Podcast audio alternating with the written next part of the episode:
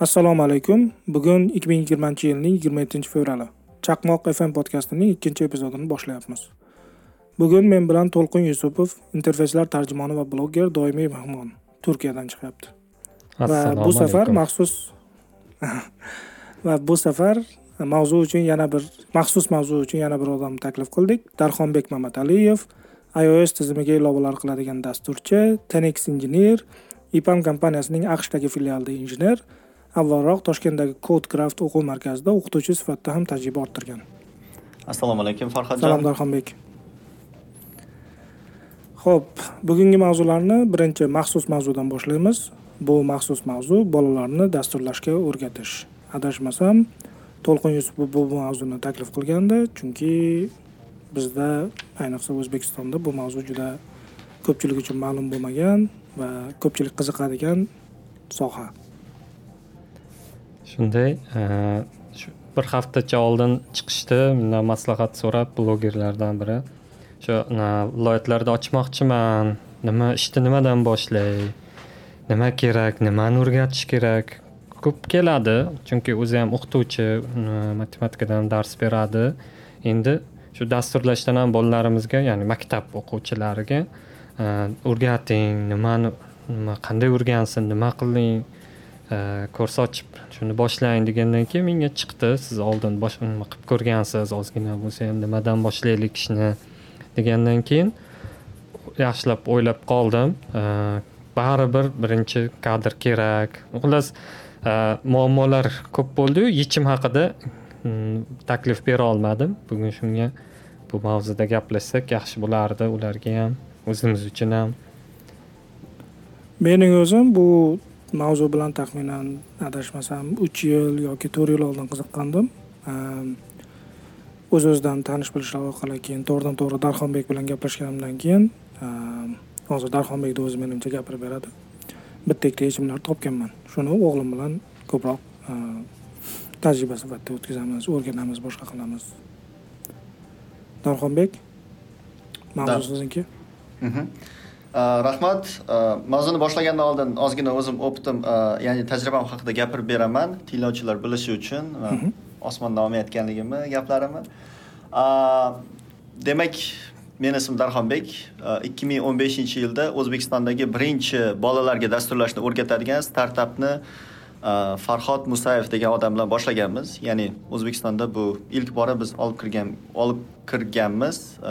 Bolalarga dasturlashni o'qitish demak e, shundan so'ng ikki yil davomida o'sha codecraft e, startapida ishlaganman va besh yuztadan ortiq bolalarga e, dasturlash bo'yicha dars berganman.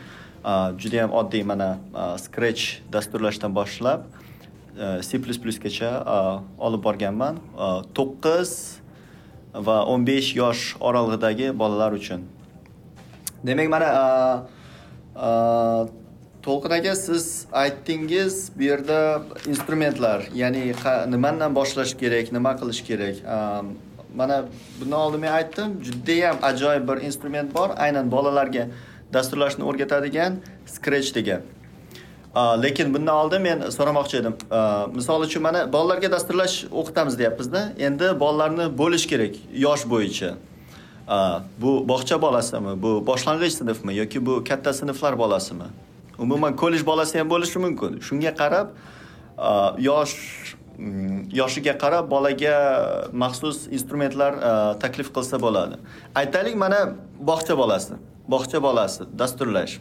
Odamlar o'ylashi mumkin bog'cha bolasiyu qanaqasi unga dasturlash o'rgatsa bo'ladi? U nonni nana deb beradigan bolaga. Unaqa emas aslida dasturlash o'rgatsa bo'ladi bog'cha bolasiga. Ham bu uchun maxsus dastur bor. Nomi scratch junior. Scratch junior.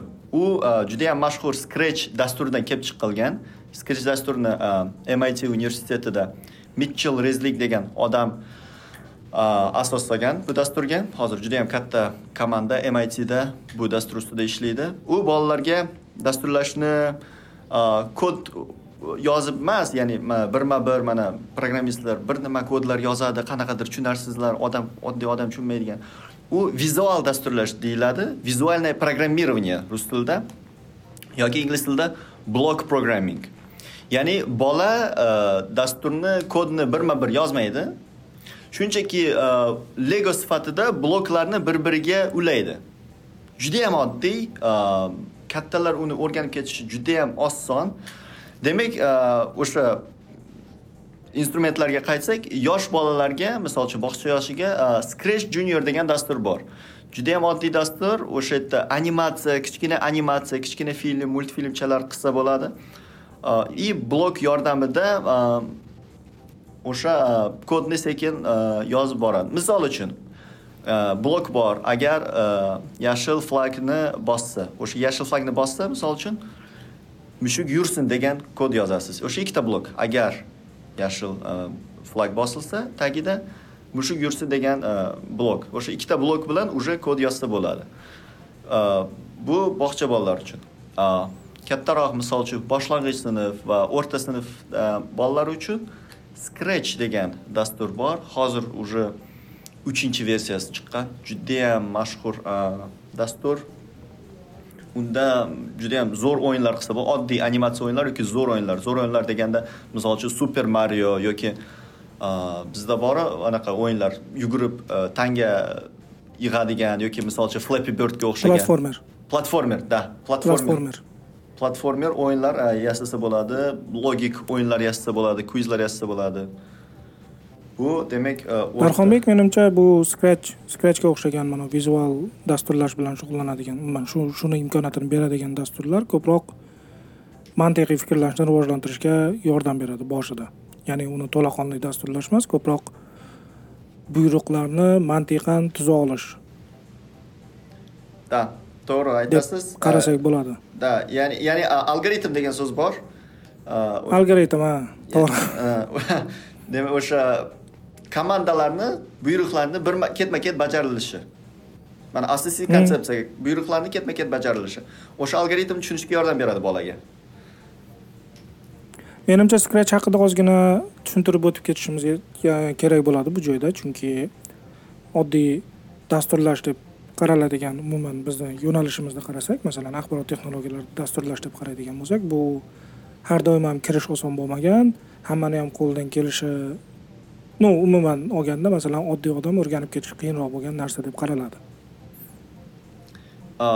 Scratchda o'sha siz aytgandek vizual dasturlash xuddi legodagidek bloklarni bir biriga ulab mantiqiy bloklarni bir biriga ulab keyin ingliz tilida drag and drop degan so'z bor. Ya'ni sudrab qo'yib yuborish deb tarjima qilishimiz to'g'riroq bo'lsa kerak menimcha to'lqin to'g'rimi tortib tashlash degan ham tarjima ha tortib tashlash deganda xuddi g'ishtlarni bir biriga ketma ket qo'yganday unda ham xuddi shunaqa g'ishtlarni bloklarni ketma ket qo'yib qanaqadir natijaga erishish mumkin. Да to'g'ri bu gapingizga qo'shilaman. Ya'ni misol uchun oddiy dasturlash tillarini olsak professional dasturlashtirish o'sha javascript python yoki o'sha c plus plus deylik shunaqa dasturlash tillari bor. U yerda misol uchun o'sha buyruqlarni yodlash kerak. Ya'ni komanda sintaksis hmm. deyiladi misol uchun. to'g'ri. Maxsus so'zlar int for qanaqadir while degan so'zlar bo'ladi o'shalarni yodlash kerak. И misol uchun qayerdadir nuqta qo'yib qo'ysa qayerdadir ko'proq probel qo'ysa ishlamasligi mumkin dastur. Ya'ni xato qilish ehtimoli ko'payadi. To'g'ri juda to'g'ri xato qilish ehtimoli ko'payadi scratchda esa juda yam oson. Bloklarni o'sha siz aytganda legoday olasiz tap tap tap bir biriga ulaysiz и rezultat сразу chiqadi. Ya'ni xato qilish juda yam qiyin. Scratchda menimcha xato qilolmaydi nimadir qilsangiz ham dasturingiz ishlaydi. Nimadir qilsangiz ham dasturingiz ishlaydi sizga hatto hmm. ko'plab xatolar chiqmaydi. Va boshlash juda yam oson scratchda. Misol uchun siz o'sha maxsus e, for while qanaqadir maxsus so'zlar yodlashingiz kerak emas. E, juda yam ko'p dasturlash tillari ingliz tiliga e, o'xshab ketadi komand buyruqlari. Birinchidan dasturlar ingliz tilini bilishingiz shart emas. Scratch dunyoning juda yam ko'plab tillarida mavjud. Rus tili misol uchun o'zbekistonda juda yam ko'p odam rus tilini biladi. O'zbek tili scratchni o'zbek tiliga ham o'girishgan to'laqonlik bo'lishi bo'lmasligi mumkin lekin interfeysning ko'plab joylari o'girilgan demak darxonbek adashmasam buni masalan scratchni o'zbek tiliga o'girishda hamma odam har qanday odam qatnashishi mumkin to'g'rimi to'ppa to'g'ri scratchni o'zbek tiliga o'girishda har qanday odam qatnashishi mumkin va agar vaqtingiz bo'lsa dasturlashni yaxshi bilsangiz bunga hissangizni qo'shishingizni so'rar edim. Tinglovchilardan chunki bu mhm. judayam nima deydi? Bizda aytadiku mana odam yaxshi ish qilsa. ko'p odamlarga imkoniyat beradigan narsa eshiklarni ochib beradi. To'ppa to'g'ri to'ppa to'g'ri. Judayam yaxshi ish. ya'ni til bilan bog'liq bo'lgan masalan cheklovlar bo'ladigan bo'lsa o'shalar shart bo'lmaydi. O'zbek tilida o'zbek tilini o'zini biladigan odam ham to'g'ridan to'g'ri masalan scratch orqali dasturlashni boshlang'ich qismini o'rganib olishi mumkin to'ppa to'g'ri. Va bu mana boya to'lqin aka ko'targan e, bitta e, muammolardan birini yechadi. Viloyatlarda o'sha dasturlashni olib borish. E, biz bu haqida ham biz ham o'ylab ko'rganmiz. Kodekraft startapida viloyatlarga dasturlashni olib chiqish o'zi butun respublika misol uchun miqyosiga eng katta qiyinchiliklardan biri viloyatlarda ko'pchilik odam rus tilini tushunmaydi. Bizning programmamiz o'sha scratch dasturining interfeysi birinchidan rus tilida bo'lgan. Ikkinchidan ustozlar ya'ni instruktorlar barchasi rus tilida gapiradi. Uchinchidan programmamiz o'zimiz o'sha lesson plan dars dars anaqa jarayonni plani dars rejasi ham rus tilida bo'lgan. Shu mavzu ya'ni agar interfeysni to'laqonli o'zbek tiliga o'gira olsak bu bu dasturni butun viloyatda butun respublikada ishlatishga yordam beradi. Chunki bizda o'zbek tilida gapiradigan odamlar rus tilida gapiradigandan ko'proq. Darxonbek yana bir savol bor edi. Masalan men o'zim maktab paytida o'qiganimizda bizga basic dasturlash tili o'tilgan mm, adashmasam shu basic dasturlash tilida muvaffaqiyatli kod yozolgan shu taxminan yigirma beshta bola bo'ladigan bo'lsa o'shanda ikki yoki uchta odam yozolgan xolos. Ya'ni birorta natija chiqaradigan kodni. Scratch scratchga qaraganda bu masalan tasavvur qilaylik yigirma beshta qanchadir yigirma beshta bola keldi scratchni o'rganishni boshladi scratch orqali biror natijaga erishish necha foiz tashkil qiladi? Scratchda taxminan birinchi qarang bu yerda hozir biz muvaffaqiyat so'ziga nima berishimiz kerak? Nima deydi? Ma'no berishimiz kerak. Muvaffaqiyat nima degani? muvaffaqiyat biror biror ozgina o'rtacha darajadagi arifmetik ifodani natijasini chiqarish yoki ekranga birorta so'z chiqarish oddiy. Hello worldga o'xshagan. Okey sizni tushundim demak hello world so'zini ekranga chiqarish muvaffaqiyati yuz foiz bo'ladi chunki judayam oson buni skrishda qilish.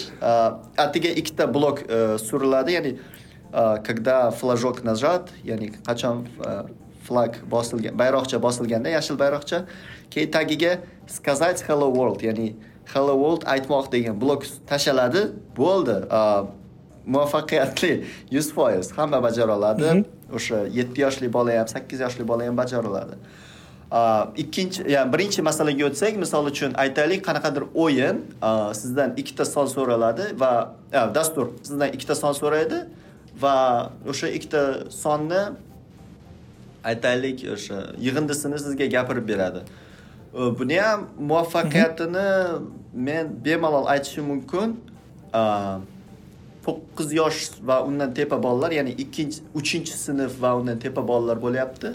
Э, muvaffaqiyati yuz foiz bo'ladi uni ham. Chunki men уже buni o'rgatib o'rgatganman. Bolalarga bizda e, kodecraftda bunga bag'ishlangan bitta dars bor.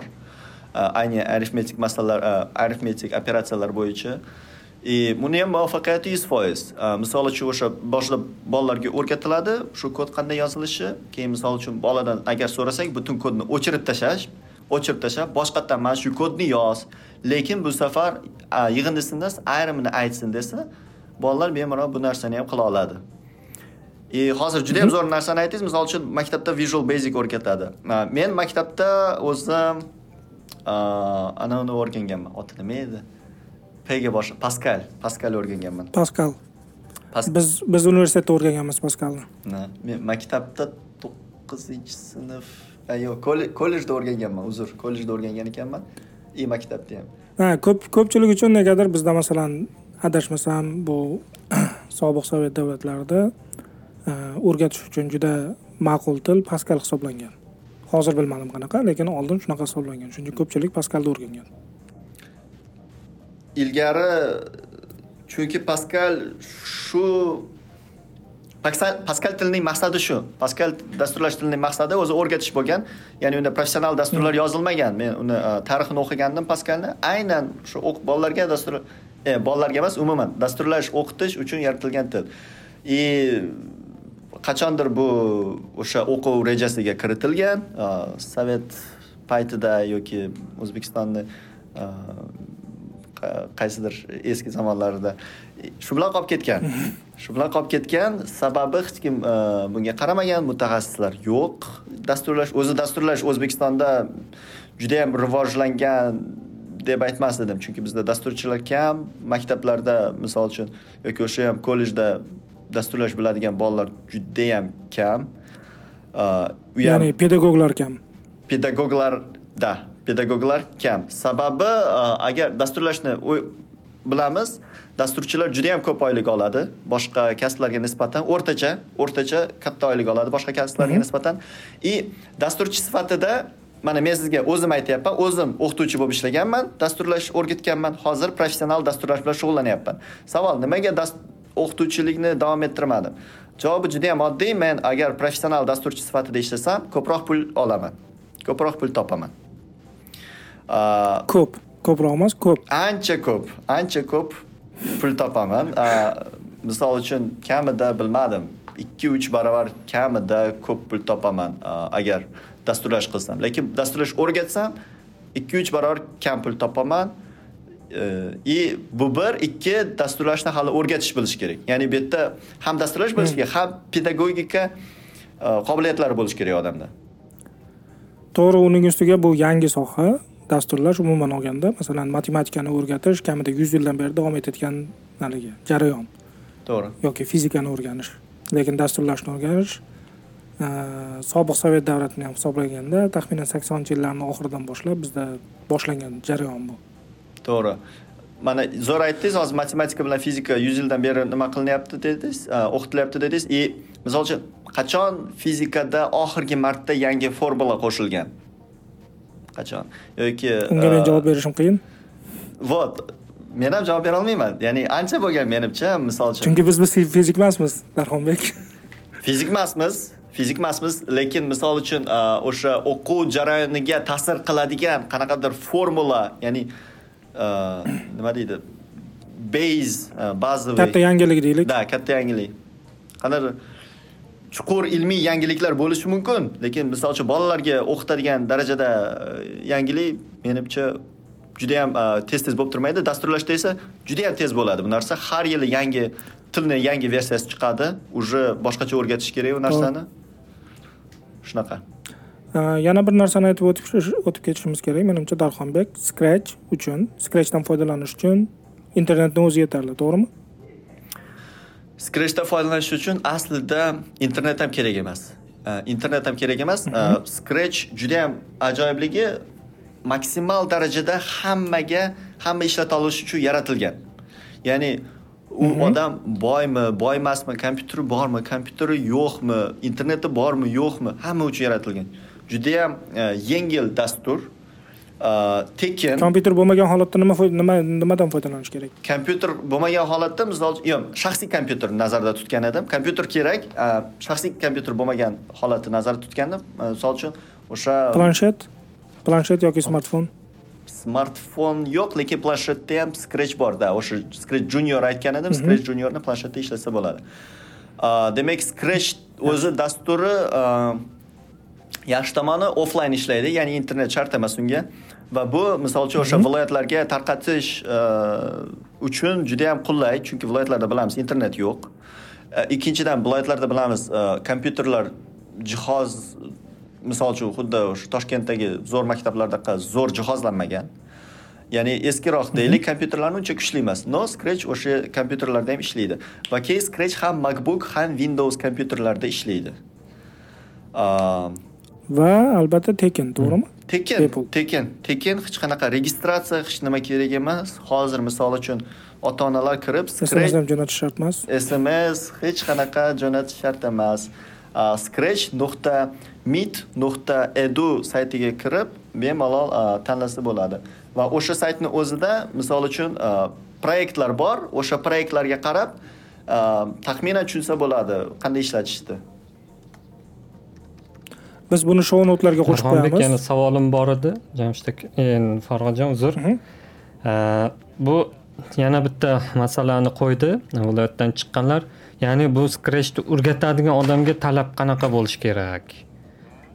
Va men kompyuter olib bermay hamma o'qiydiganlarga planshet olib berib ham o'rgatsak bo'ladimi scratch degan ikkita savolni bergandi. Ikkinchi savolga menimcha javob topdik chunki masalan android android asosidagi birorta planshet bo'ladigan bo'lsa unda ham bemalol ishlaydi. Birinchi savolga menimcha darhol eng arzon planshetda ham ishlaydimi? Menimcha ishlaydi. Chunki adashmasam u veb brauzer sifatida ishlaydi. Veb brauzerni ichiga qurilgan texnologiyasi bu tarafdan planshetga o'rnatiladigan ilova ham shunchaki brauzer uchun anavi оболочкаga o'xshab qilinadi xolos. Qolgan narsa hammasi ichkarida yengil veb interfays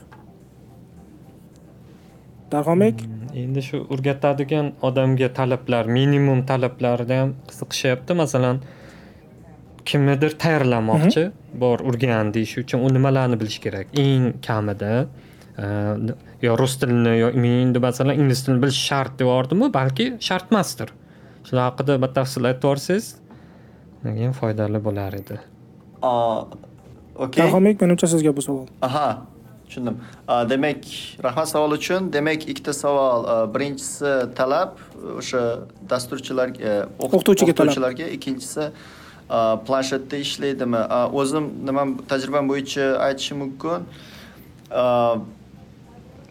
planshetda siz agar ishlatadigan bo'lsangiz dastur offlayn dasturni onlayn ishlatishingiz kerak bo'ladi viloyatlarda bilamiz internet yo'q demak baribir arzon eng arzon misol uchun bir yuz ellik yoki ikki yuz dollarlik noutbuk olib o'shani ishlatgan ma'qul. O'sha chunki internet bilan muammo bo'lmaydi ikki birinchi savolga qaytsak talab o'qituvchilarga talab.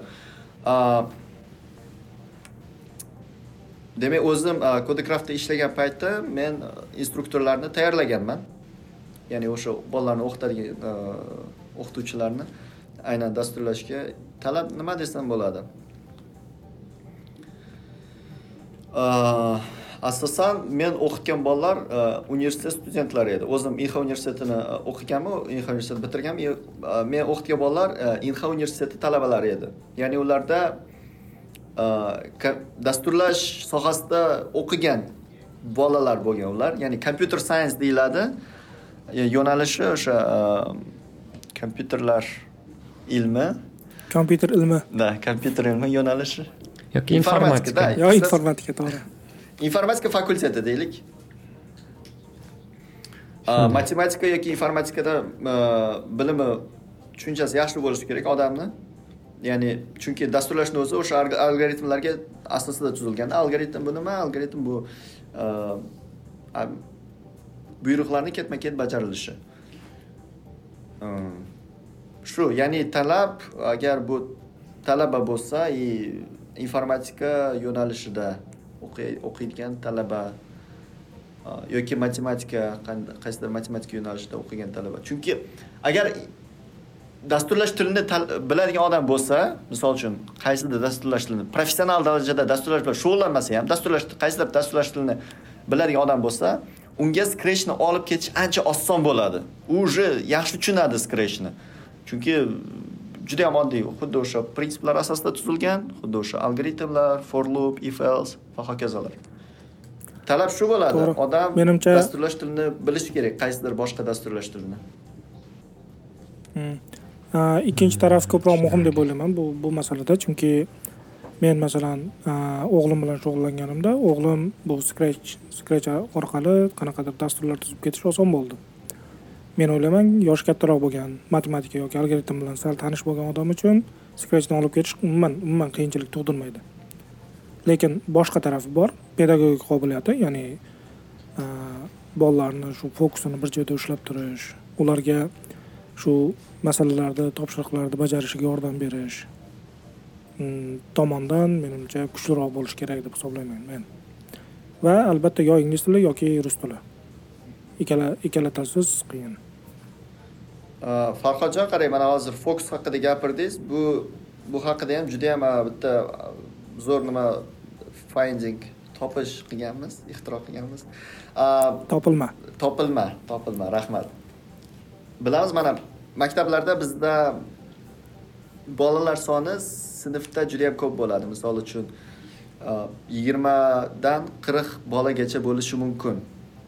Juda yam har xil. И dasturlash o'rgatganda siz aytgandek o'sha fokus ushlab turish qiyin. Har bir bolaga e'tibor ajratish men e, topgan optimal bolalar soni e, o'n ikkita bola bo'lgan. o'n o'n o'n o'n ikkita bola bo'lgan. Agar o'n ikkita boladan ko'p bo'lsa sinfimda e, уже fokus yo'qoladi. Bolalar gaplashib gaplashib ketish boshlaydi nima qilish boshlaydi. Ya'ni hammaga materialni yetkazib berishim bir xil darajada yetkazib berishim va hamma dastur darsni o'zlashtirishi pasayadi. Bolalarni shuning uchun buning juda yam muhim e, jihat bo'lishi kerak. E, bolalar soni nechta bola sinfda? Qirqta o'ttizta bo'lsa unuting. Yo'q u ular bolalar ularni e, nima deydi o'qitish fokusni bir joyda ushlash juda yam qiyin bo'ladi. O'n o'n ikkita bola zo'r. Bitta odam uchun o'n o'n ikkita bola ideal hisoblanadi. Mana o'zim praktikamdan kelib aytyapman. Undan ham kaproq bo'lsa mayli bemalol undan kamini ham o'qisa bo'ladi. Lekin maksimum o'n ikkita bola sinfda bo'lishi kerak.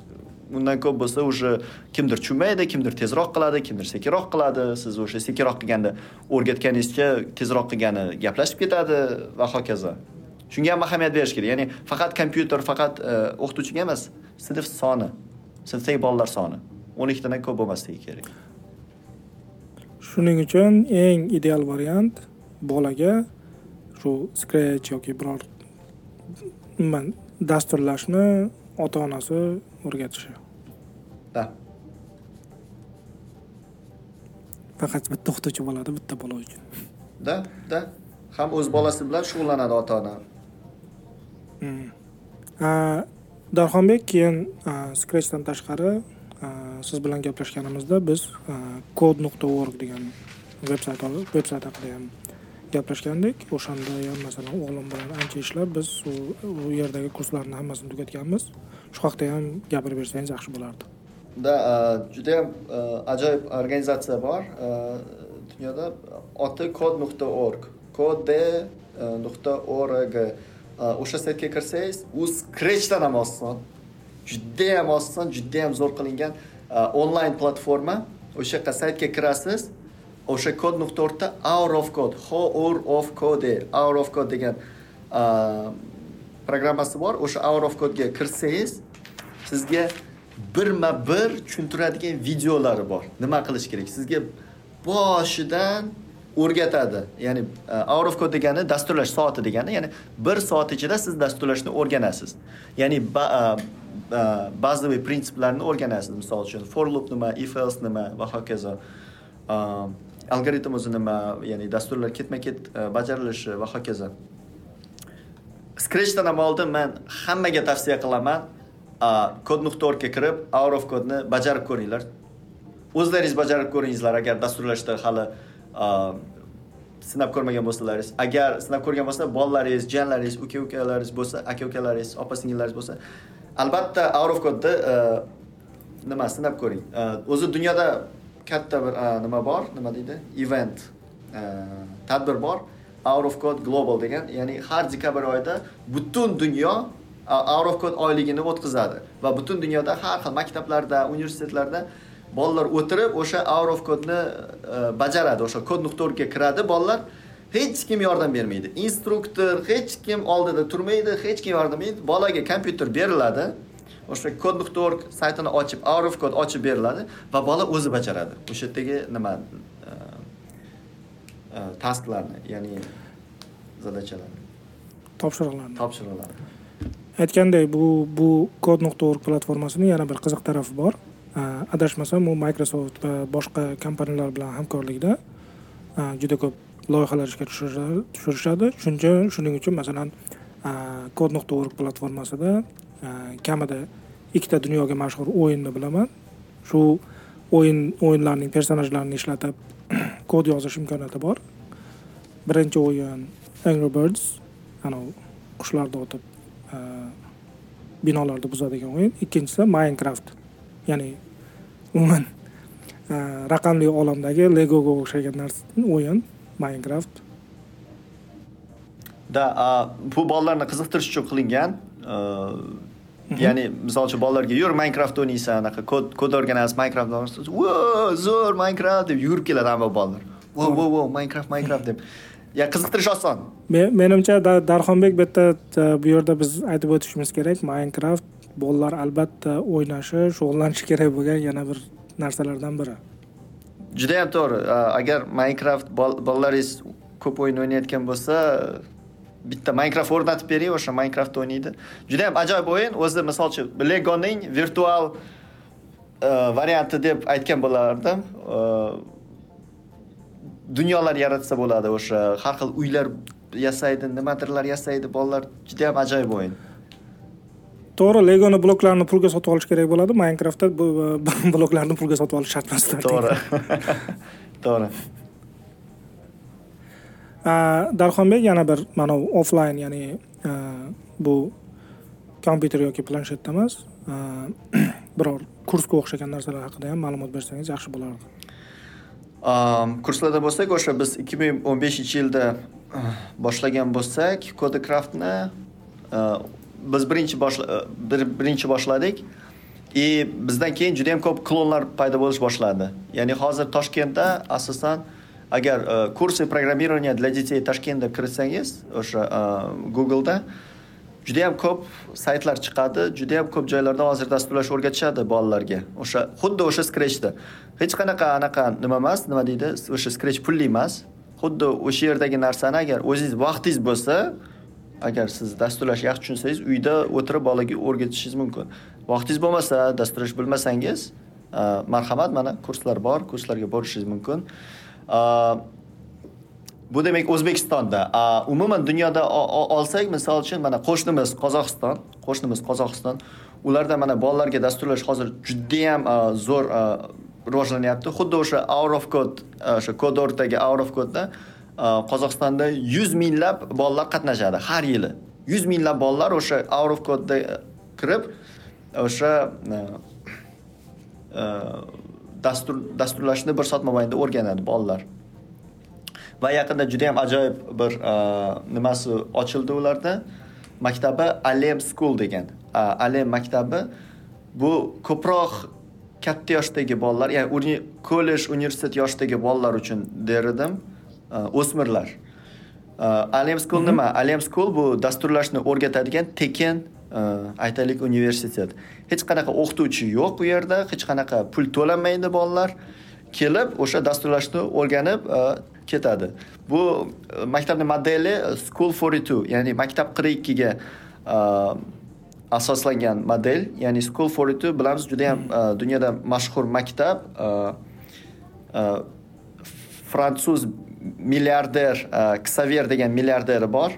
O'sha xayriya ishi qilgan va shunaqa school for two degan maktab ochgan. U maktabda bolalar juda yam ko'p kompyuterlar bor odamlar keladi mashqlar bor o'sha mashqlarni bajaradi и hammasini bajarib bo'lgandan keyin dasturlashni o'zlari o'rganadi. Hech qanaqa darslar hech qanaqa professor o'qituvchi hech kim yo'q. Agar savollar bo'lsa googleda уже savollarni izlayman. Man sizlarga aytaman mana dasturchi sifatida dasturlashda ko'p vaqti o'sha googleda savolga javob izlash bilan sarflanadi. Ya'ni misol uchun mana uni bitta narsani qanday qilish kerak? Knopkani qanday qo'shish kerak? Knopkani qanday surish kerak yoki shunga o'xshash narsalar bilan vaqtingiz googleda o'tadi. И agar shunda ham agar uh, savol topolmasangiz mana school for da peer learning deyiladi. Ya'ni uh, o'zbek tilida bu nima bo'ladi? Sherik bo'lib o'rganish. Sherik bo'lib o'rganish да sherik bo'lib o'rganish bo'ladi. Ya'ni misol uchun qaysidir qiyin savolga javob topolmasangiz oldingizda o'ng tarafingizda chap tarafingizda oldingizda orqangizda sheriklar o'tiradi. Просто o'sha sherigingizdan so'raysiz mana shu uh, muammo chiqdi menda qanday yechsam bo'ladi? Bo'ldi. Hozir juda yam ko'p uh, juda yam mashhur bu maktab hozir fransiyada bor и silikon valleyda ya'ni uh, o'sha amerikada kaliforniya shtatida ham bor bu maktab и u maktabni bitiruvchilari hozir misol uchun tesla google degan katta kompaniyalarda ishlaydi. Hech qanaqa pul to'lagani yo'q ular o'qish uchun. Hech qanaqa professorlar yo'q ularda. O'zlari o'sha maktabga borib mashqlar bajarib o'rganib e, ishga kirishgan hozir. И o'zbekiston sharoitida qanchalik to'g'ri keladi bu bilmadim to'g'risi darxonbek chunki kimdir davomat qilishi kerak kim keldi kim kelmadi uni qanaqa qilib tekshiramiz bilmadim. Judayam to'g'ri aytdingiz. Misol uchun o'zbekistonda afsuski buni qadrini yetkazish e, men qiyin deb topganman. E, mumkin qiyin odamlarga qadrini yetkazish misol uchun tekin bo'lsa qadrlamaydi odamlar nimagadir. E, tekin ekan deb keladi. Misol uchun bitta ikkita darsga keladi keyin yo'q u odam yo'q. Amerikada esa lekin odamlar misol uchun o'sha universitetda o'qigan darajasi bor odamlar misol degree o'sha bakalavr darajasi bor odamlar. Ilmiy daraja. Ilmiy да bakalavr diplomi bor odamlar keladi o'sha boshqatdan dasturlash o'zlari kelib o'zi o'rganadi o'sha boshqa shtatdan hmm. boshqa shahardan ko'chadi o'sha maktabga borish uchun. Shunaqa harakat qiladi odamlar. O'zbekistonda o'sha o'sha bunga o'xshash misol uchun dasturlash o'rgatadigan maktablaridan aynan maktab misol uchun kurs emas maktabdan keyingi mashg'ulot emas aynan maktab sifatida ikkita maktab hozir misol qilib keltirmoqchiman al xorazmiy maktabi yaqinda ochilgan mhm. dasturlash darslari bor u yerda ham.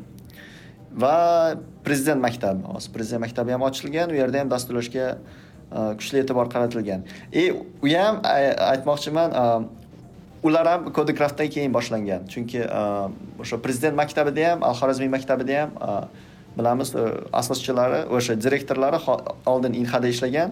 И biz bilan o'sha biz ham kodikraft ham inhadan bo'lganmiz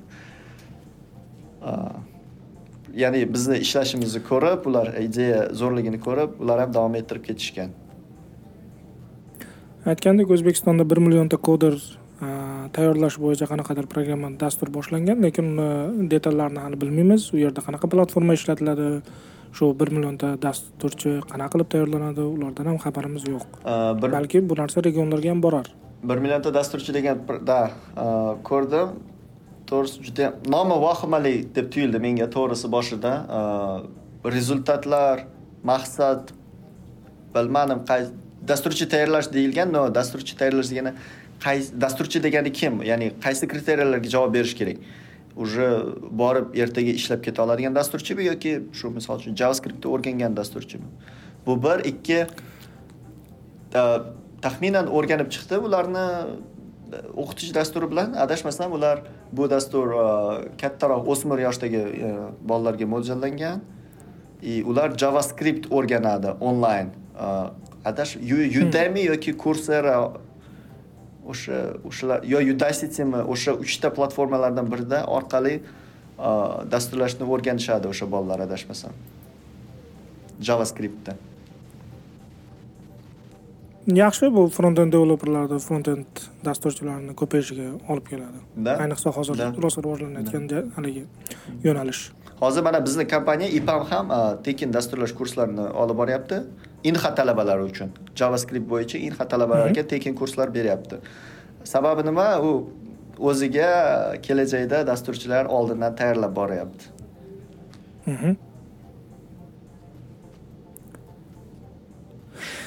Ho'p yaxshi darxonbek bo'lmasa sizga katta rahmat. Shu mavzuni yoritib biz bilan muhokama qilganingiz uchun menimcha o'zbekistondagi juda ko'p odamlar uchun bu mavzu foydali bo'ladi. Biz keyingi mavzuga ham rahmat kattakon rahmat sizga to'lqinbek okey sizga ham rahmat farhodjon to'lqin aka hamma savollaringizga javob bera oldim degan umiddaman. Sizga ham rahmat shu sog' bo'ling. ishlaringizga omad rahmat. Mayli. Nimanga taklif qilganingiz uchun podkastga taklif qilganingiz uchun juda yam xursand bo'ldim. Ko'rishguncha. Xush kelibsiz. Mayli xayr.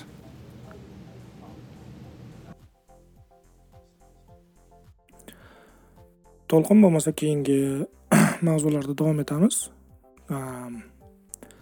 Samsungning yangi taqdim qilingan qurilmalari haqida.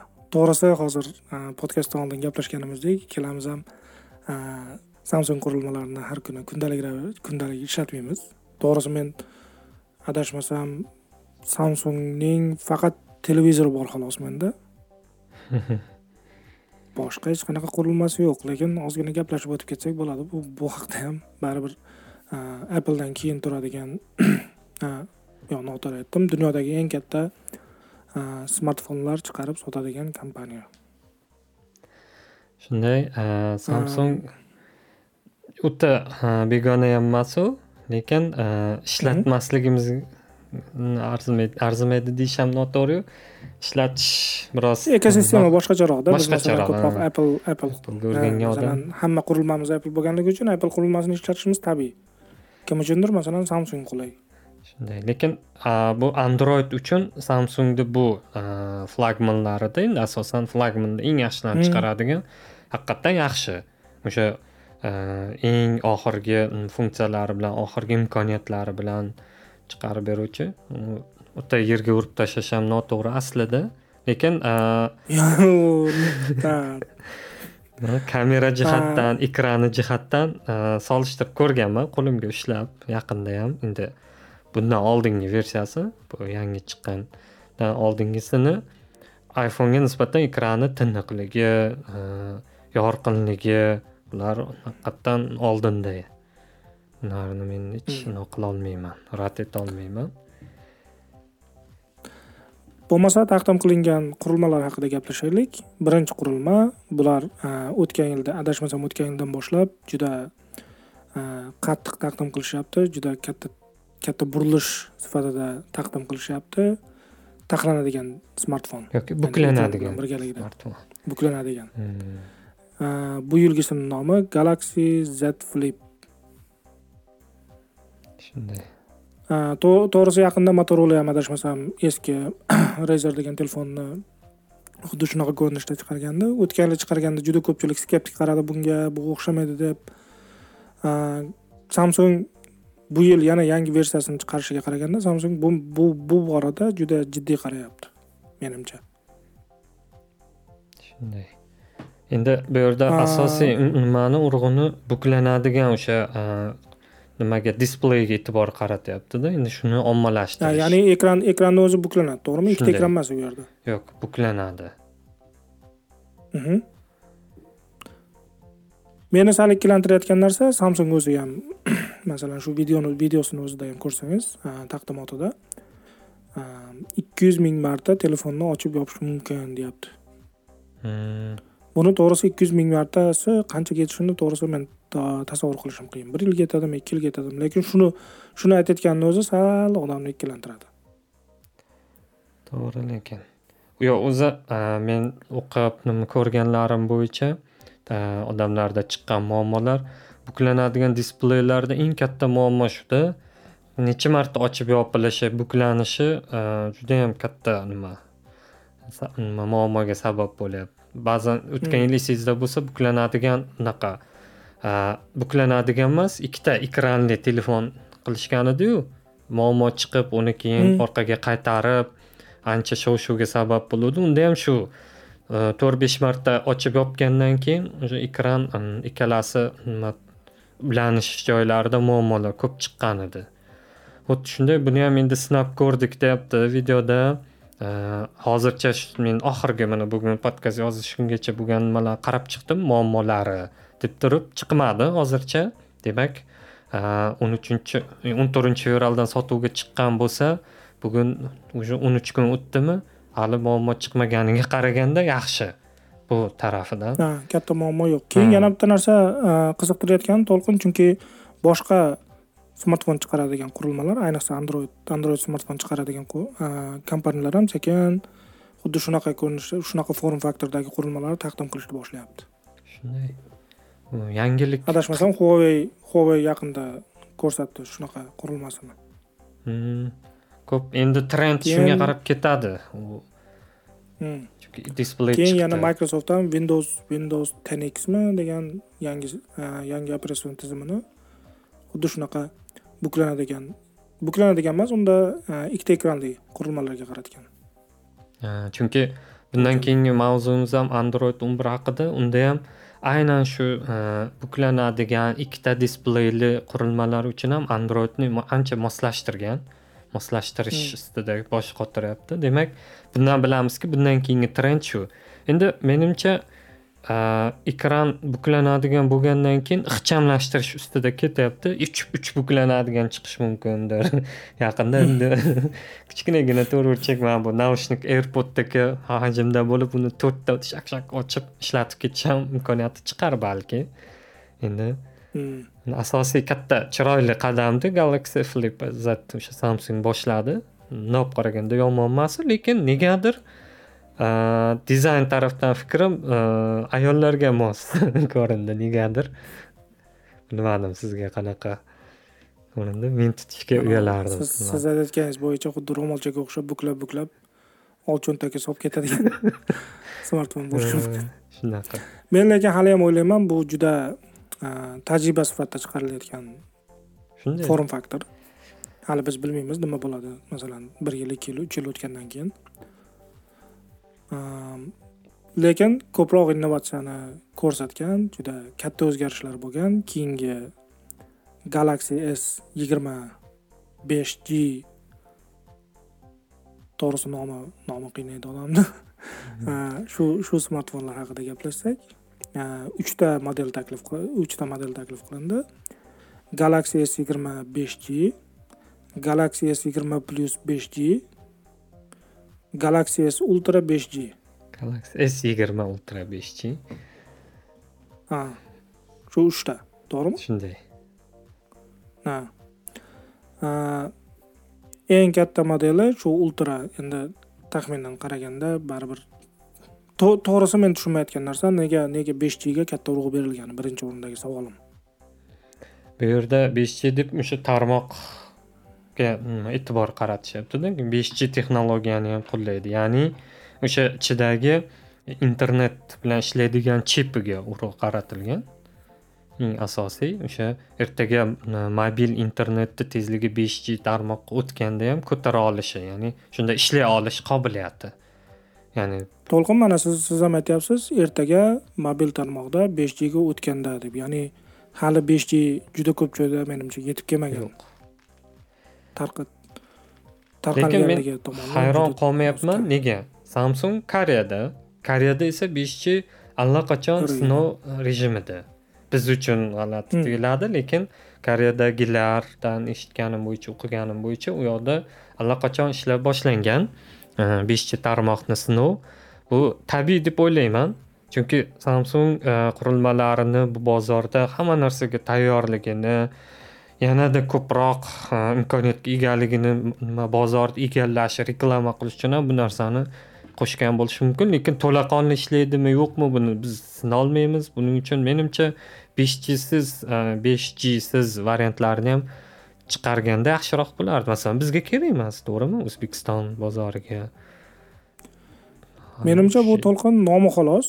Agar masalan biz uni s yigirma besh g ni olib ishlatadigan bo'lsak u uch g da yoki lte da ishlashi mumkin.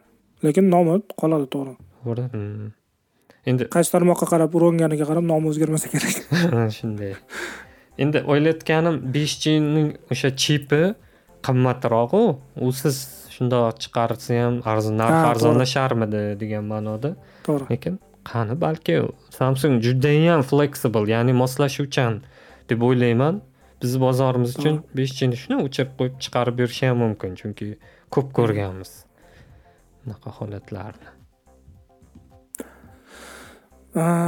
Keyingisi ultra haqida gaplashsak s yigirma ultra besh g buni ham meni juda qiziqtirgani kameralari. Hozir biroz oldin saytida ko'rganim bo'yicha uchta optik kamerasi bor va ikkita depth vision vision deb ataladigan anavi chuqurligini o- chuqurlikni ha, chuqurlikni aniqlaydi tasvir chuqur menimcha bu ikkala kamera ko'proq anavi uch o'lchovli obyektlarni skan qilgani bo'lishi mumkin. Ya'ni- Hmm. olish uchun ishlatilsa kerak deb o'ylayman. Uchta kameradan bittasi bir yuz sakkiz megapikselli kamera. Am, optik zoom o'n marta optik kattartirish mumkin va space zoom deb ular space zoom deb nomlashgan menimcha u ko'proq raqamli bilan optik aralashgani bo'lsa kerak u yuz karra deyilgan. Yuz karra kattartirishi mumkin. Hmm. taqdimotida ham san fransiskodagi shu mana golden gate deydigan joydan to'g'ridan to'g'ri ko'rsatishdi e, shahardagi bitta binoni e, bemalol zoom qilib kattartirib ko- ko'rish mumkin bo'lyapti Hmm. lekin a, bu narsalarda shu kunlarda muammo chiqqan aynan a, kameralari bilan ultrani ya'ni a, suratga olayotganingizda fokus ishlamay qolyapti ekan Hmm. fokus ishlamay qolgandan buni endi pre-release deydi ya'ni ilk nimasini nashrini chiqargan endi keyingi nashrlarda uni tuzatib e, chiqaramiz deyapti hozirgi allaqachon sotib olganlarga e, yangilanish yuborib tuzatib berishga va'da bergan. Lekin to'liq tuzaldimi yo'qmi bu haqda hali. Chunki eng yangi shu oxirgi ikki kunlik uch kunlikdagi muammolar bu. Shunaqa allaqachon men to'g'risi oxirgi paytlar e, to'lqin mana bu dslr deydi. Haqiqiy kameralar bilan qiziqyapman. Chunki iphone 11 pro maxni olgandan keyin ham tushungan narsam nima bo'ldi? Telefonni zumi ya'ni uchta kamera bilan olgan taqdirda ham baribir haqiqiy kamera bilan mana lensi bor kameraga yetmaydi. Juda juda qiyin. Samsung chiqargan telefon bilmadim endi qanchalik kamerani almashtirishi mumkin. Chunki o'zlari aytishdi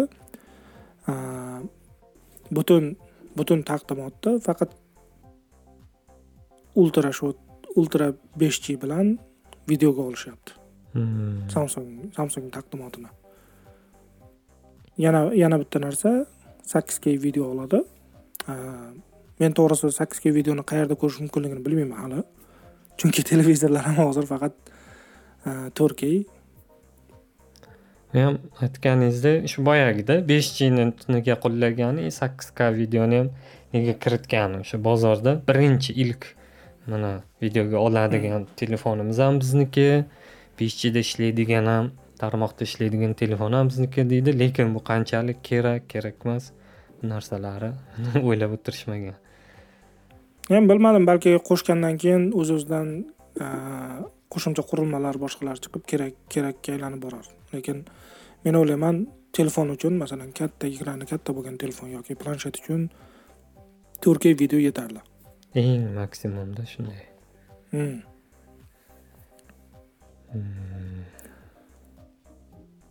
qolgan qurilmalardan faqat galaxy buds haqida gaplashishimiz mumkin. Ozgina galaxy buds plus bu airpodsni to'g'ridan to'g'ri kloni ya'ni quloqlik simsiz Hmm, quloqlik.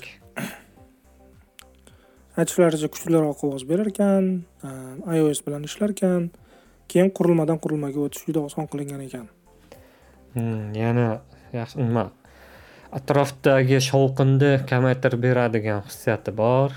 Keyin nimasi e, uni quvvatlaydigan qurilmachasi o'zini idishini telefonni orqasiga qo'yib ham e, bir biridan nima quvvatlantirib olish mumkin. Ya'ni telefondan simsiz. simsiz. Shuni telefon orqasiga olib bir biriga yonma yon qo'ysa o'shaning hisobiga o'n bir soat deganmi yigirma bir soatmi? To'xtovsiz ishlash mumkin. Degan endi bular bu narsalar juda yam nima? Odatda airpodsni misolini olib qaraydigan bo'lsak kunda ish soatingiz davomicha kerak bo'lar ekan. Eng maksimum holatda ham Hmm. sakkiz soatda masalan. Judayam uzoq kerak bo'lganda ham unda ham bu airpodslar ikki soat to'liq ishlaganini tushundim. Ikki uch soat maksimum almashtirib almashtirganda ham uch uch yarim soat. Keyin baribir quvvatlab yana davom etishingiz kerak bo'ladi. Undan judayam ko'p kerak bo'lmaydi aslida. Menga qiziq bo'lgani mm, mana bu to'g'risi airpods ishlatganimda menga rosa noqulay. Masalan iphone iphonega ulanib turgan bo'lsa macga o'tish macdan iphonega o'tish har doim qo'lda qanaqadir boshqarishim kerak. Kamida Bu masalada bosqich yaxshi amalga qilishingiz bosishingiz kerak. Narsalar to'g'ri. Bo'z yaxshi qilgan. Hmm. bo'z bir paytni o'zida ikkita qurilmaga ulanadi. Ham kompyuterimga ham telefonimga.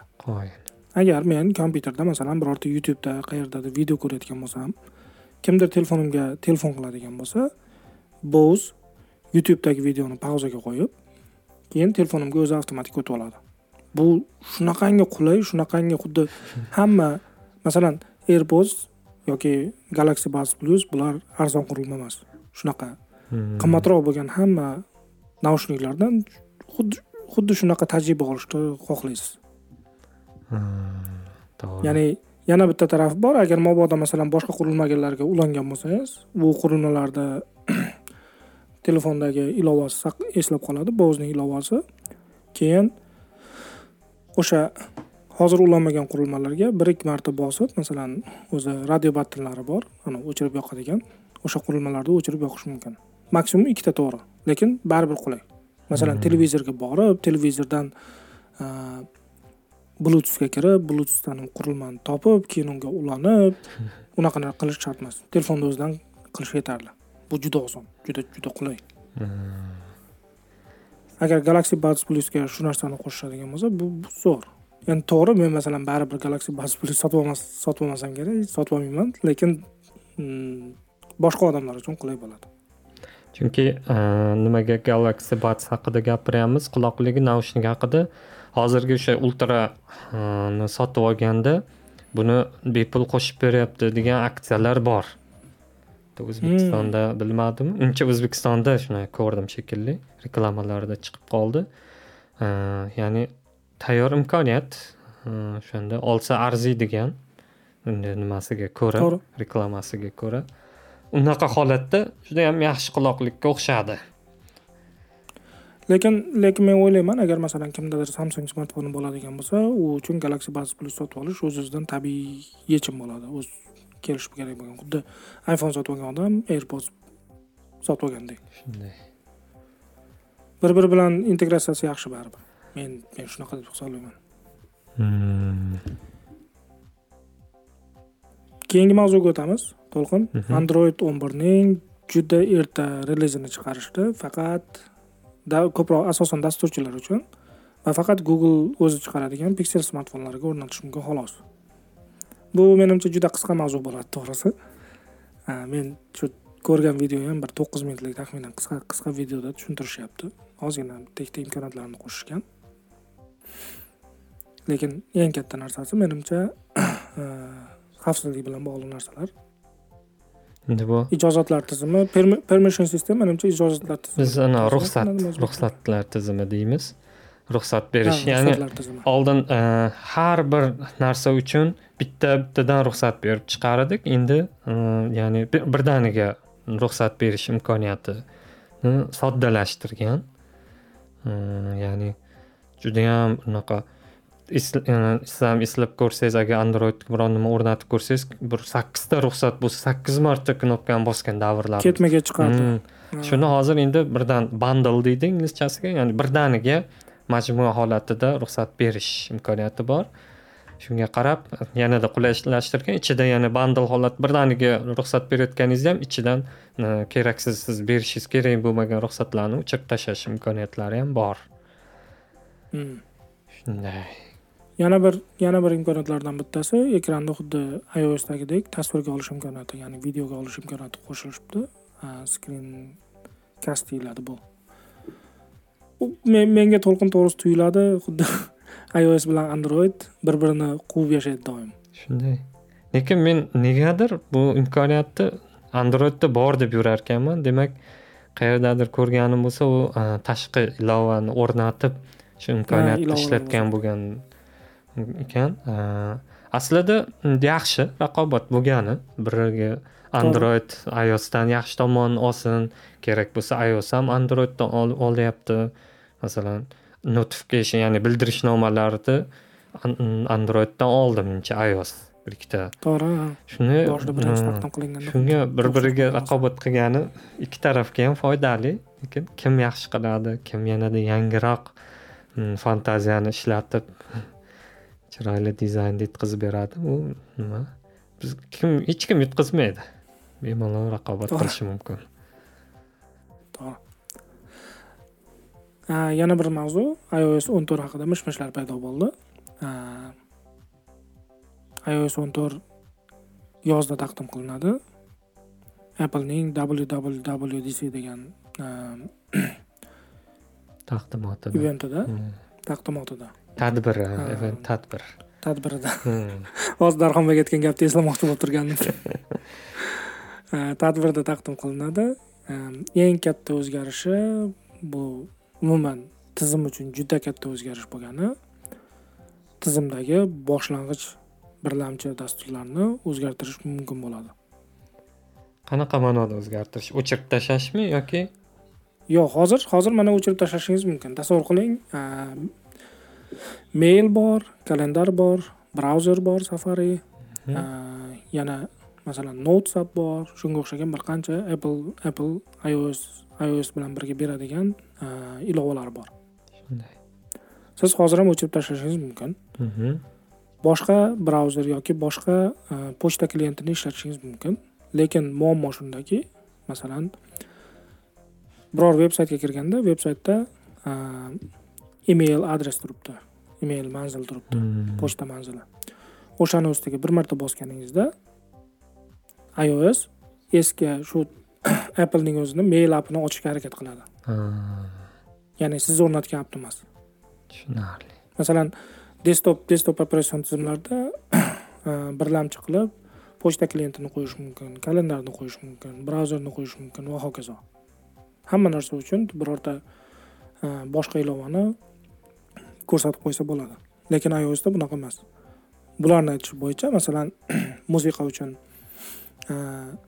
spotifyni men birlamchi qilib belgilab qo'yadigan bo'lsam bosh birlamchi Hmm. boshlang'ich default qilib default qilib belgilab qo'yadigan bo'lsam uh, musiqaga birorta havola berilganda o'shani bosganimda apple apple music emas spotify ochiladi Hmm.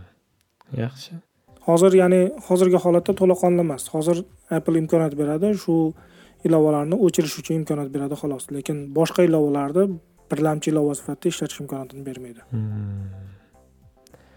yaxshi bo'libdi chunki masalan telegramda bu location ya'ni joylashuv manzilni yuborganda avtomat bu appleda maps ilovasi ochilib ketar edi uning uchun keyin yanada alohida bu nega ko'p kerak bo'ladi bir birimizni topib olishda ya'ni qanday yetib olish ikkalamizni noqulay haligacha a, amerikadan tashqarida bo'lgan joylarda bu applening xaritasi biroz noqulay.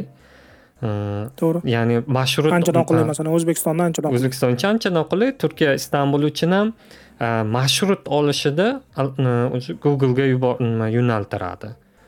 Qarang Hmm. masofa uzayib ketyapti. "O, meni nima qilishni telefondan ochdim nimada ochdi appleda o'zini xaritasida.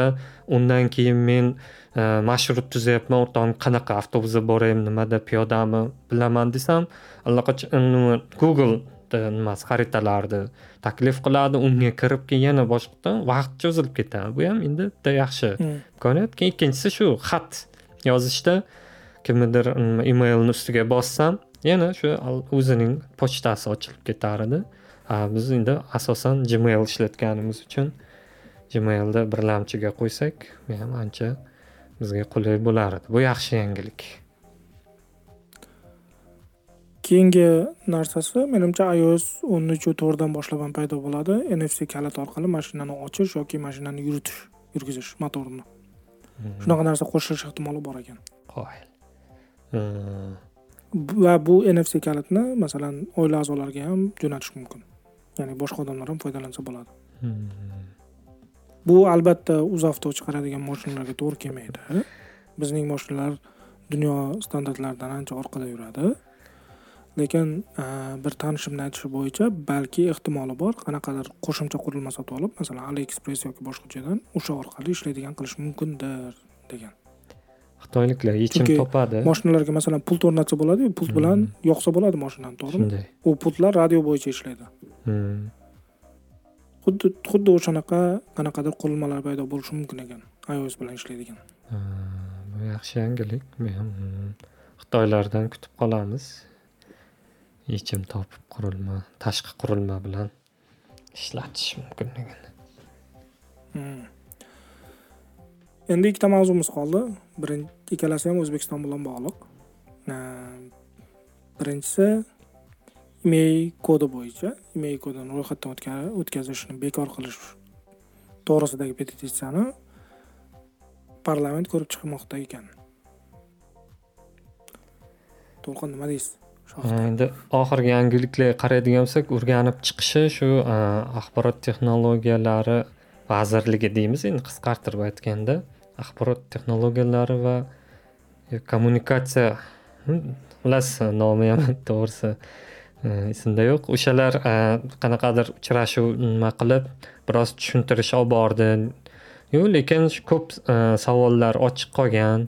E, ya'ni bekor qilishmoqchimi niyatini ham ochiqlamagan lekin ozroq ma'lumot berib o'tgan. Ya'ni o'sha e, shu vaqtgacha ikki oy ichida qancha mablag' yig'ilgani yigirma besh milliard so'm yig'ilgani bundan kelib chiqadiki o'sha qirq to'rt ming olti yuz so'mdan registratsiya qilayotgan bo'lsa besh yuz mingdan ortiq telefonga to'g'ri keladi adashmasam. Telefon registratsiya ya'ni qayddan o'tgan bo'lib chiqyapti. Endi aslida registratsiya qilish ya'ni ro'yxatga olish email kod bo'yicha bunga ko'pchilik blogerlarni fikrlariga qaraydigan bo'lsak qarshi emas hech kim lekin uni pulli qilishga qarshi. Lekin aslida endi chetga chiqqan odamni chet elda e, pulli bo'lgan holatini ham ko'rib juda noqulayligi lekin ko'pchilik uchun odatiy holligini olib qaraydigan bo'lsak bu narsa ham e, qachondir bunga ham nima deydi duch kelishimiz bunday narsa bizda ham bo'lishi kerakligini e, kutayotgan edim. Bo'ldi ham aslida masalan turkiya misolida olib qaraydigan bo'lsak turkiyada uch yuz dollarga to'g'ri keladi. Lekin e, shunga yarasha imkoniyatlar bor. Nima? Masalan kelganingizda e, qurilmani to'rt oy ishlatishingiz mumkin. Tashqaridan olib keltirdingiz. To'rt oy registratsiya qilmasdan aslida registr email registratsiyani e, kimlarni bo'yniga qo'ygan aloqa operatorlarni bo'yniga qo'ygan. Ular avtomat sim karta qo'yishingiz bilan sizni qurilmangizni email kodi ma'lumotini olib ular asosiy email kod registratsiya bazasiga kiritib qo'yadi. Sizni ovora qilmaydi. Hmm. Bizda mana shu narsani nima qilyaptida qiyinchiligi o'zbekistonda siz qilishingiz kerak. Aslida buni nima qilib qo'ysa ham bo'lar edi avtomatlashtirib. Aloqa operatorlari telefon olganingizdan keyin albatta sim karta tiqasiz. Tiqilganda avtomat o'sha beeline ucell ums hammasi bitta bazaga olib kirib qilib qo'ysa bo'lardi. Lekin bizda endi asosan baribir pulli qilish pulli tomonni byudjetga tushum qilish uchun e, biroz qiyinlashtirib qo'ygan. Shu jihatdan bu kelib chiqdi petitsiya. Ya'ni oson bo'lmayapti uni registratsiya qilish. To'lqin menimcha buni masalan davlat mobil aloqa operatorlariga operatorlariga operatorlardan so'rab qanaqadir tasavvur qiling hozir qirq to'rt nechi pul to'lanishi kerak o'zi? qirq to'rt ming olti yuz qirq to'rt ming olti yuz to'lanadigan bo'lsa masalan qirq besh ming qirq olti ming yoki ellik ming to'lanadigan qilib mobil operatorlardan so'rab qo'ysa bo'ladi. Bu jarayonni menimcha avtomatlashtirish qiyin emas aslida. Aslida to'g'ri. Yanada ham oson bo'lardi. kim yangi telefon yangi telefon sotib olgan bo'lsa mm, eski sim kartasini qo'yishi mumkin. Okey keyin shuni mobil mobil aloqa uchun ishlatiladigan hisobdan yechib oladigan qanaqadir usullarni qilsa bo'ladi. Ko'ryapsizmi? Osonlashtirish mumkinda lekin negadir turkiyada ham bu ikkinchi qismi ya'ni to'rt oy o'tdi telefoningiz bloklanadi. Har qanday sim karta qo'ysangiz ham ishlamaydi lekin offlayn holatda ya'ni sim kartasini ishlatishingiz mumkin. Shunaqa holatini registratsiyasi juda yam qiyin. O'zbekistondagidan ham qiyin. Uni o'zining davlat bularda ham xuddi bizga e government elektron hukumatga o'xshash sayti bor. U yerdan ro'yxatdan o'tkazasiz keyin to'lov qilasiz. Yana ikki uchta joy bilan bog'liqda. Ha soliq idorasiga borasiz. Keyin bularni o'sha e, elektron hukumat shu ikkita joy bilan orada vaqt ketadi. Qiyin biroz qiyin. Hmm. chunki pulli puli qimmat bo'lgani uchun biroz tekshiradi vaqt oladi darhol bo'lmaydi mana shu joyi soddalashtirilmagan negaligiga ham hayronman. Shuning uchun ko'pchilik e, foydalanmaslikka harakat qiladi. Qilib ham lekin undoq olib qaraganda ularni ham foydasiga. Baribir turkiyadan har qanday kimni mana kelganimga bir yarim yildan oshgan bo'lsam hamma alal oqibat e, telefon sotib olishga majbur bo'lyapti turkiyada. Shu jumladan men ham shu yerdan oldim. E, bunaqa yugur yugur to'g'ri uch yuz dollardan qimmat oradagi farq. Masalan oddiy iphonni misolida aytsam bizda bir ming ikki yuz dollarlik iphone o'sha oxirgi modeli bo'lsa bu yerda bir ming sakkiz yuz dollar atrofidada olti yuz bizdan ko'ra qimmatroq qimmat. olti yuz uch yuz dollar avtomat o'sha bilasiz davlat oladi registratsiyasi hmm. uchun. Uch yuz bu o'sha magazinning nimasi foydasida do'konni hmm. lekin bundoq olib qarasa yugur yugurdan nima qilasiz o'ylaysiz keyin yana bitta jinnicha nimasi bor bularni bandi bor. Siz telefonni registratsiyadan o'tkazish davomida o'sha uch oy ichida turkiyaga kirgan bo'lishingiz kerak. Shunaqa murakkabliklari bor. Endi o'zbekistonga qaytadigan bo'lsak o'zbekistonda ham aslida mana oxirgi bir tanishimiz shu oxirgi haftadagi boshidan o'tgan e, voqeani aytib berganda ham bizda ham shunaqa ekan aslida.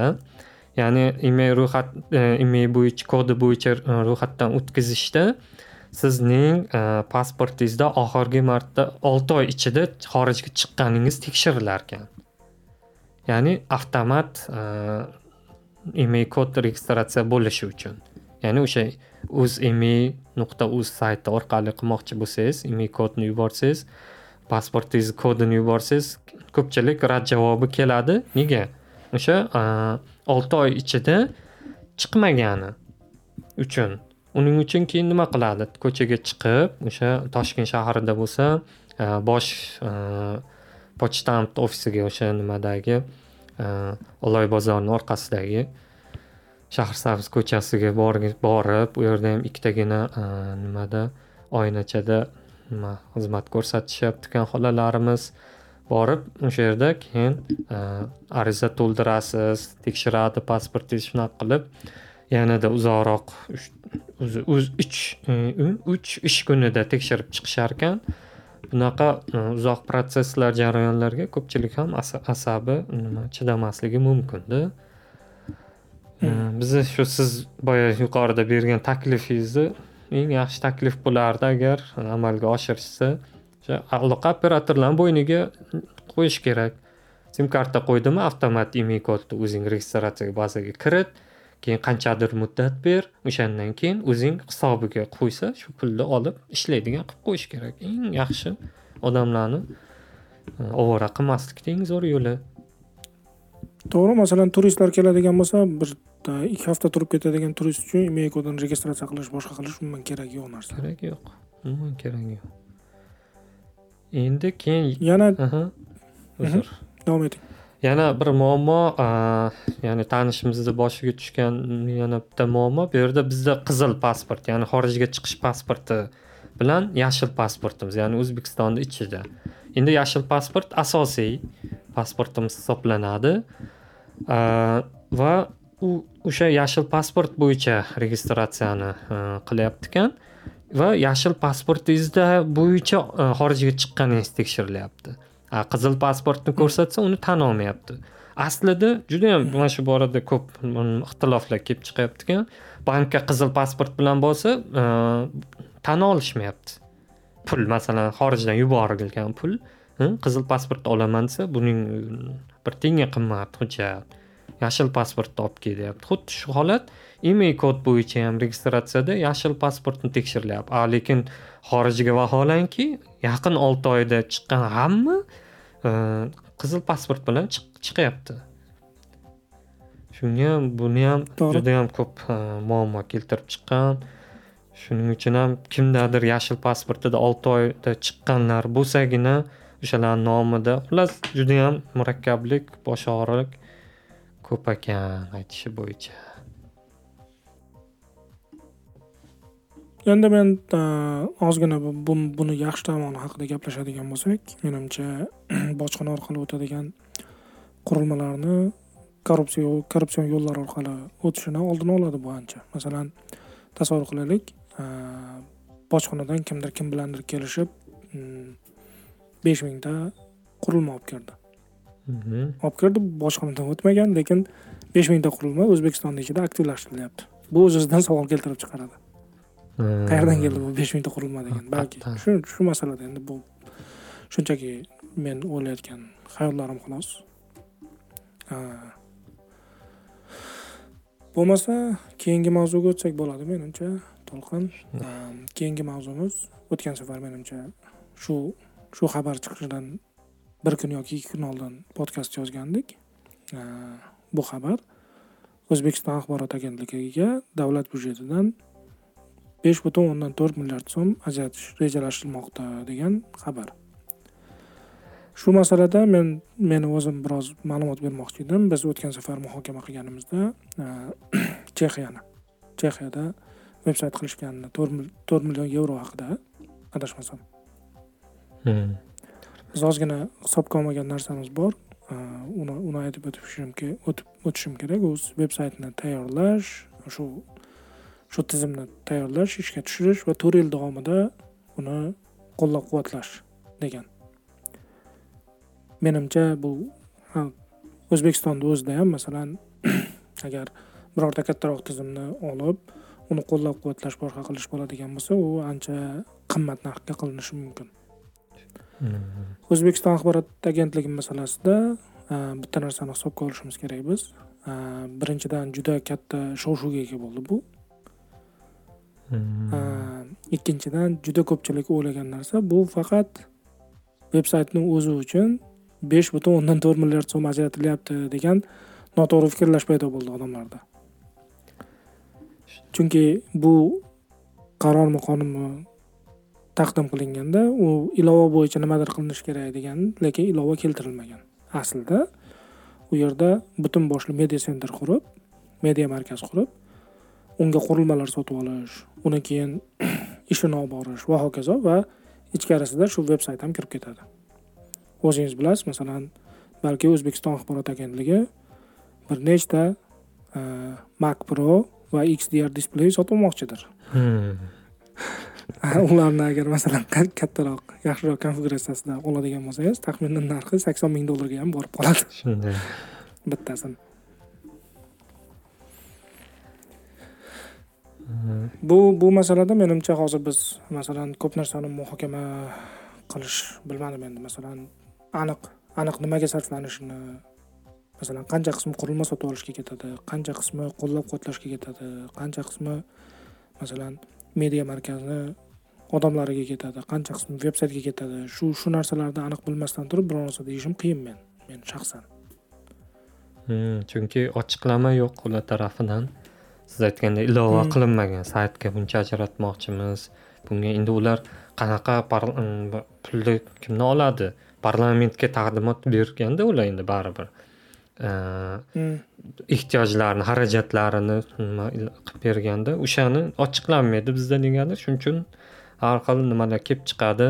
Masalan bu aynan shu mavzuga oid alisher tajiyev degan bir tanishimiz bor. U ham shu dasturchi o'quv markazlari ochgan. U ham facebookida qo'ydi shu saytini mayli android ios ilovalarigacha bepul qilib beraman o'shaning pulini e, shartnoma asosida o'qiydigan talabalarni kontrakt puli to'lab berilsin degan taklif bilan chiqdi.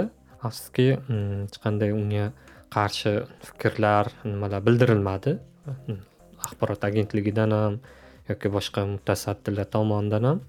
Lekin unda hamma ham shu birinchi xayol kelgani saytiga deb nima qildi. Keyin yaxshilab ochib o'qib ular biroz yanada kengaytiribroq yozganda o'sha siz aytgandek multimedia markazi.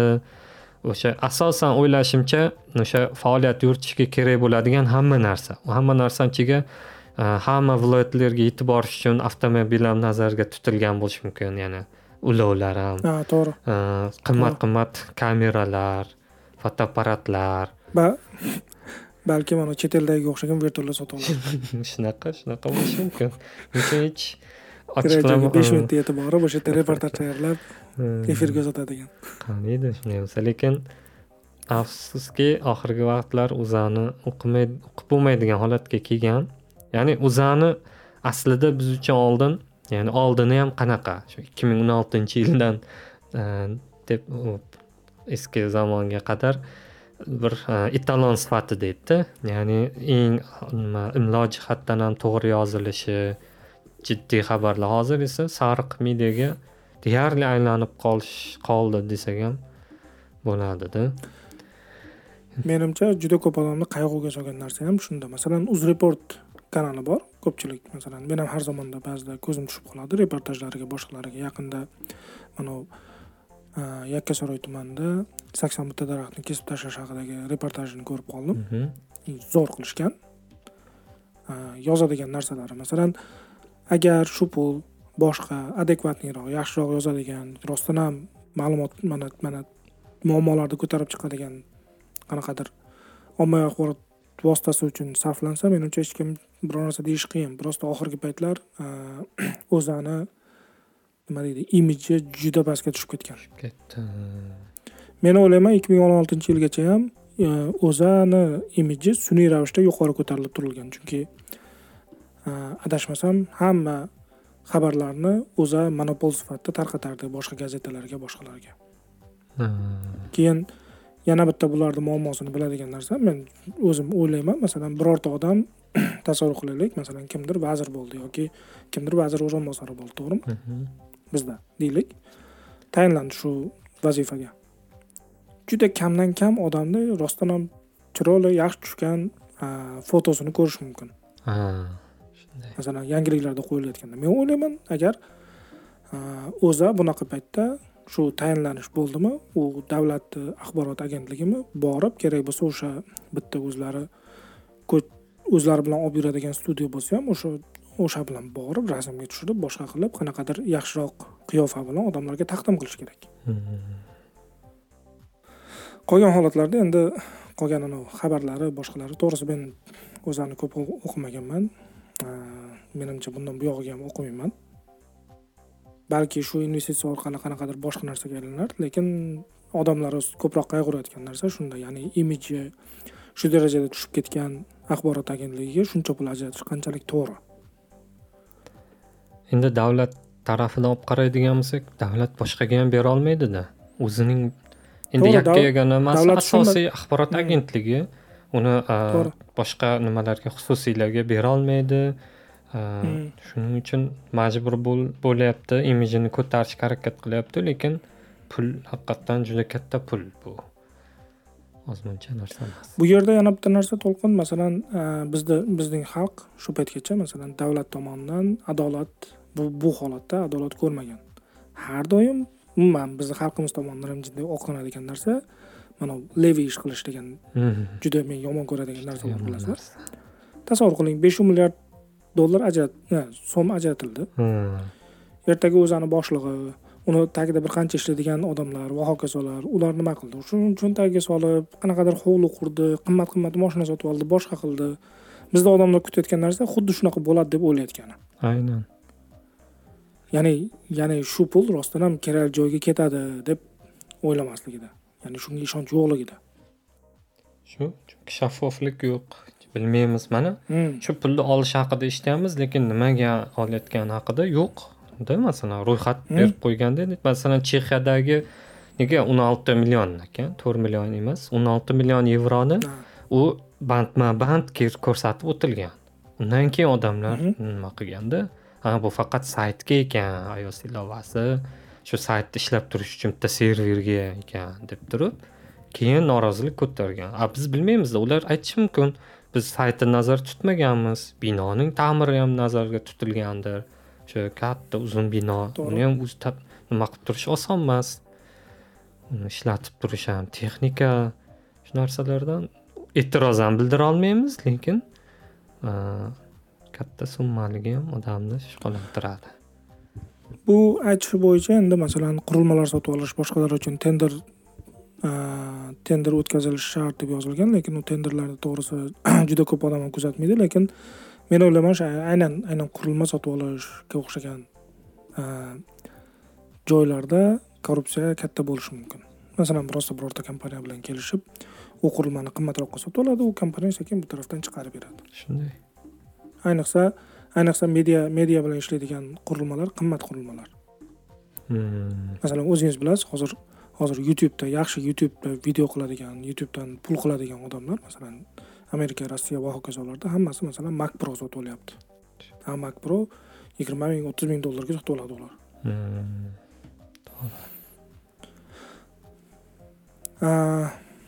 Mayli ko'ramiz voqealar qanaqa rivojlanadi bundan buyog'iga katta rahmat vaqtingizni ayamaganingiz uchun to'lqin. Ha sizga ham rahmat farhodjon Mm, qiziqarli mavzularni topib suhbat- suhbatlashdik.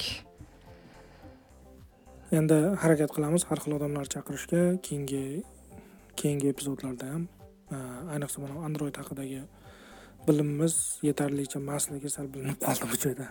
Android haqida emas umuman galaxy samsung har xil qurilma qurilmalar android qurilmalar haqida. Android qurilmalari haqida. Lekin odatda masalan pixel qurilmalari haqida gaplashadigan bo'lsak odatda men o'rganaman. Google qanaqa qurilma chiqardi? Ichida texnik qanaqa detallari bor va hokazo. Lekin samsungnikini qanaqadir qiziqmaganim uchun o'tkazib yubordim to'g'risi. Menda google'da tarjimalari bilan shug'ullanganim uchun bevosita androidda ham mana bu o'n birda ham dedik. Uni ham tarjimalari keladi sinash uchun a, nima olgandim? A, android qurilmam bor. Faqat shu tarjimalarni o'zbek tilida tarjimalarni tekshirish uchun ishlataman lekin nima?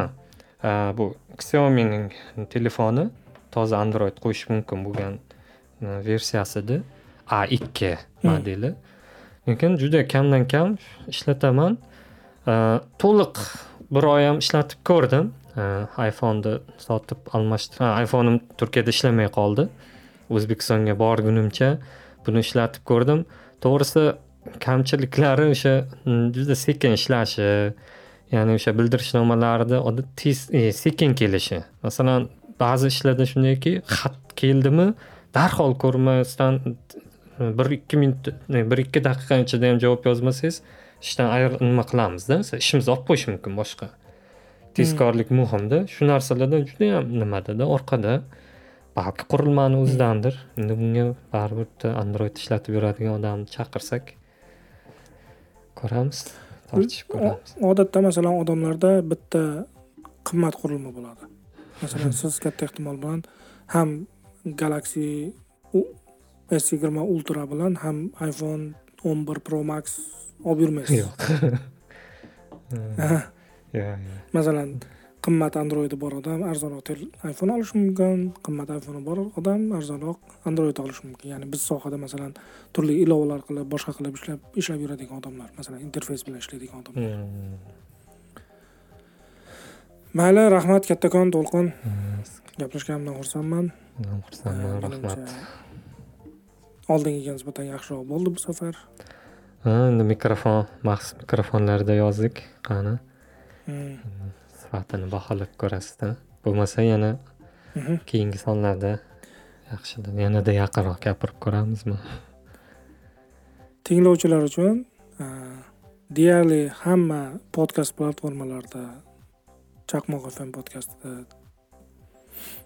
bor bemalol kirib obuna bo'lib eshitish mumkin. Iloji boricha qanaqa bo'lsa ham bizga eh, izoh yoki qanaqadir fikrlar bo'ladigan bo'lsa berilgani yaxshi. Chunki qancha nima deydi feedback o'zbekchasi qanaqa bo'ladi bilmadim ha qanaqa qanaqa bo'lsa ham negativmi pozitivmi ijobiymi salbiymi fikr mulohazalar bo'ladigan bo'lsa o'shalar orqali biz yaxshilab boramiz podkastni shunday. Shu.